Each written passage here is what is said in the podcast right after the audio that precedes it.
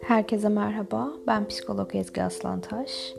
Bugün sizlerle öfkeyi ve öfke yönetimini konuşacağız. Biliyorsunuz ki Instagram üzerinden e, mini bir anket yaptım ve bu anketin sonucunda öfke ve öfke yönetimiyle ilgili bir podcast yayınlamamı istediniz. Konuyu siz seçtiniz yani. O yüzden de bugün konumuz bu.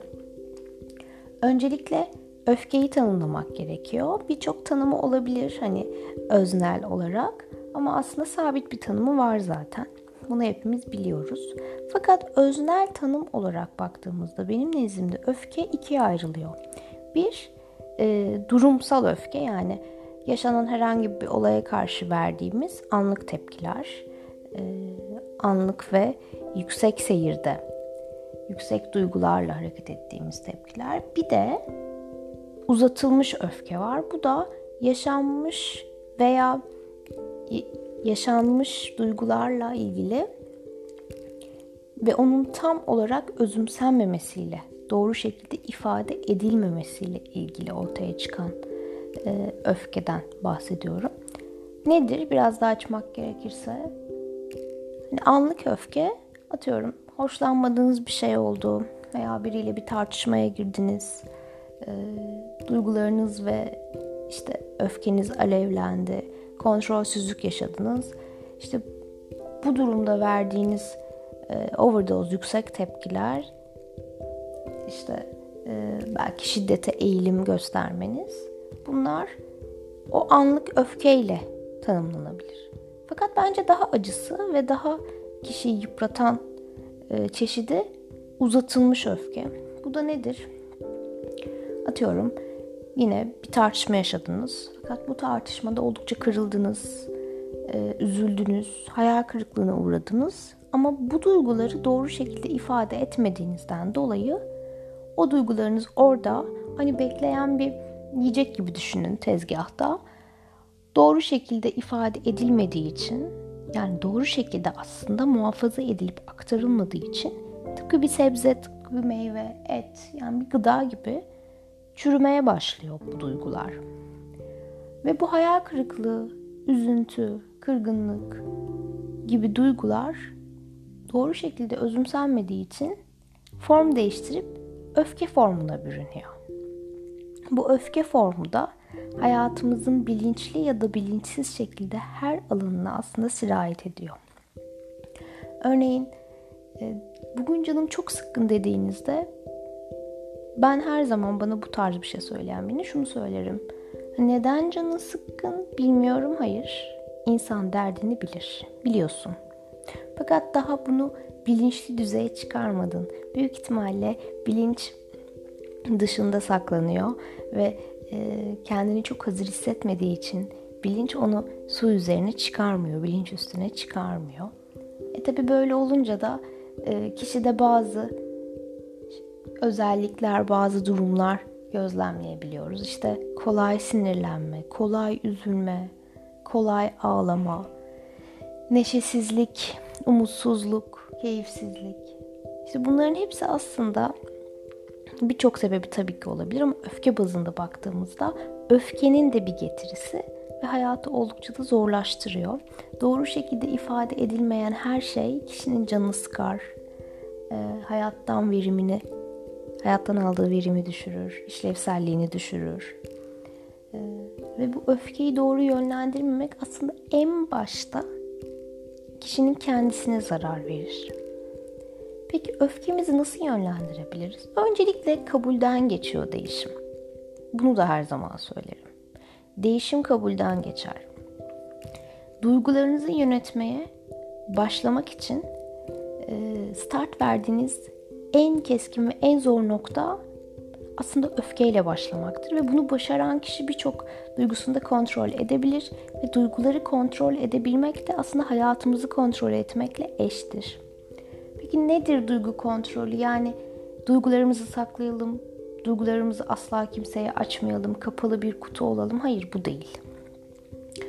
Bazen bazı duyguları çok yoğun hissedebiliriz mutluluk, coşku, umutsuzluk, üzüntü, ve tabii ki öfke.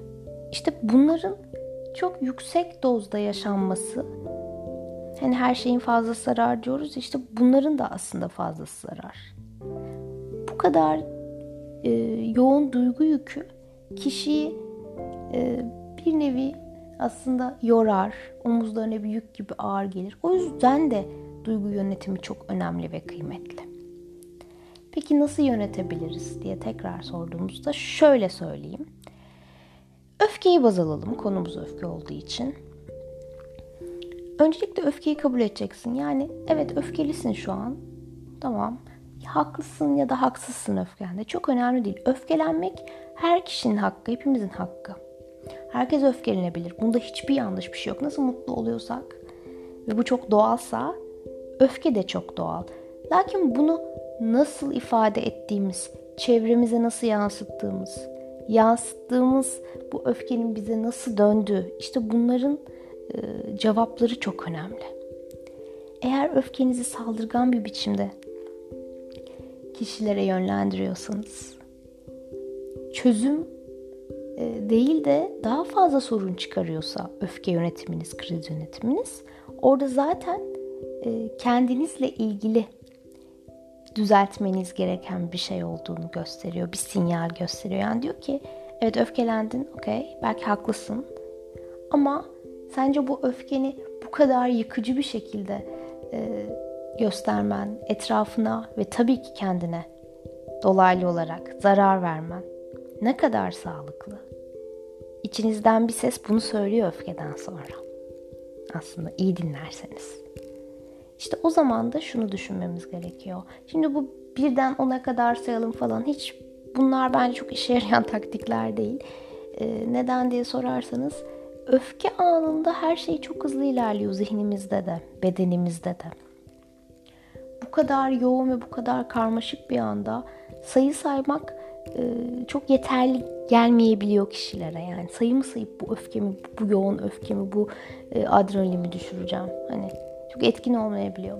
O yüzden de ben en basit yöntemi söyleyeceğim size. Mümkünse uzaklaşın. Mümkünse uzaklaşın ve hatırlayın. Daha önce öfkelendiğinizde yarattığınız yarı e, yıkıcı ve yakıcı etkileri anımsayın ve uzaklaşın. İş yerinizdeyseniz e, odanızda veya işte bir toplantı salonunda veya herhangi bir ortak alanda uzaklaşın, çıkın bahçeye çıkın Bahçeniz yoksa sokağa çıkın, biraz yürüyün. Evinizdeyseniz evinizin odasını değiştirin ya da e, dediğim gibi yine dışarı çıkın, bir nefes alın. Balkon varsa balkona çıkın. O ortamdan uzaklaşın. Çünkü sizin öfkelendiğiniz kadar karşı taraf da öfkelenmiştir büyük ihtimalle. E, öfkelenmese bile belki çok kırılmıştır ve o sorunu çözmeye çok hazır değildir. Veya siz hazır olsanız bile o değildir. O hazırsa siz değilsinizdir. O yüzden o e, aşırılığı, o ateşi, işte o adrenalini düşürmek için biraz zamana ihtiyacımız oluyor. Öfke yönetiminde en e, çok en sık önerdiğim yöntem uzaklaşmak. Çünkü uzaklaşmak ne demek biliyor musunuz? O alevin yavaş yavaş sönmesi demek. Alev sönünce adrenalin de düşecek. Adrenalin düştükten sonra da düşüncelerimizde ve mantığımızda düzelmeler meydana gelecek. Çünkü adrenalin bizim e, kaygımızı, anksiyetemizi ve aslında cesaretimizi çok arttıran bir şey olduğu için bu adrenalin hormonu kişiyi doğru düşünmeden de oldukça uzaklaştırıyor. O yüzden de sakince e, öfkenin geçmesini beklemek, uzaklaşmak.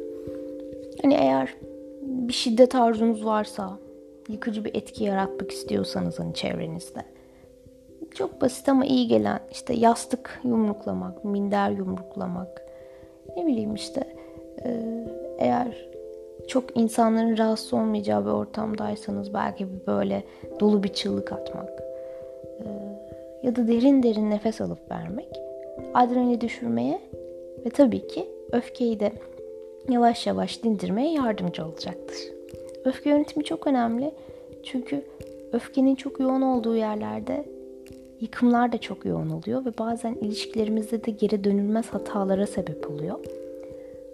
Öfkeni kabul edip, öfke duygunu kabul edip buna hatta e, saygı duyup öfkenle ilgili biraz analiz yapmak. İşte evet öfkelendiğim konu bu. Beni üzen kıran konu bu. Ama bunun doğru aktarılış biçimi ne olabilir diye kendine, duygularına zara, zaman vermek ve tabii ki karşıdaki tarafa da, karşı tarafa da zaman vermek oldukça kıymetli. Eğer işe yaramıyorsa bazen yaramayabilir. Çünkü herkesin e, bu ateşlenme, bu yükseliş işte e, oranı, işte büyüklüğü farklı olabilir. Eğer gerçekten bu taktikler işe yaramıyorsa ve kendi taktikleriniz de olabilir bu arada. Ne bileyim işte e, bazıları spora verir kendine. Yoğun tempoda koşar ya da yürür. Bazıları müzik dinler. İşte bazıları çıkar biriyle dertleşir. Ya olabilir. Bir şeyler tekmeler belki. Bazıları da e, öfkesini bunlarla dahi at, atabileceğinin farkında olmadığı için e, kişilere, canlı varlıklara bunu yöneltir veya kendisine yöneltir. Kendisine zarar verebilir kişi. O yüzden de bunlardan kaçınmak için yapılması gereken e, en önemli şeylerden biri bence uzaklaşmak ve bu uzaklaşmayla beraber ateşin sönmesini beklemek ama bunlar da işe yaramıyorsa ve gerçekten öfke hayatınızda çok ciddi hasarlar yaratmaya başladıysa uzman yardımı almaktan da e, asla çekinilmemeli ve ivedilikle konuyla ilgili yardım alınmalı. Çünkü bazı hataların ne yazık ki dönüşü olmayabiliyor.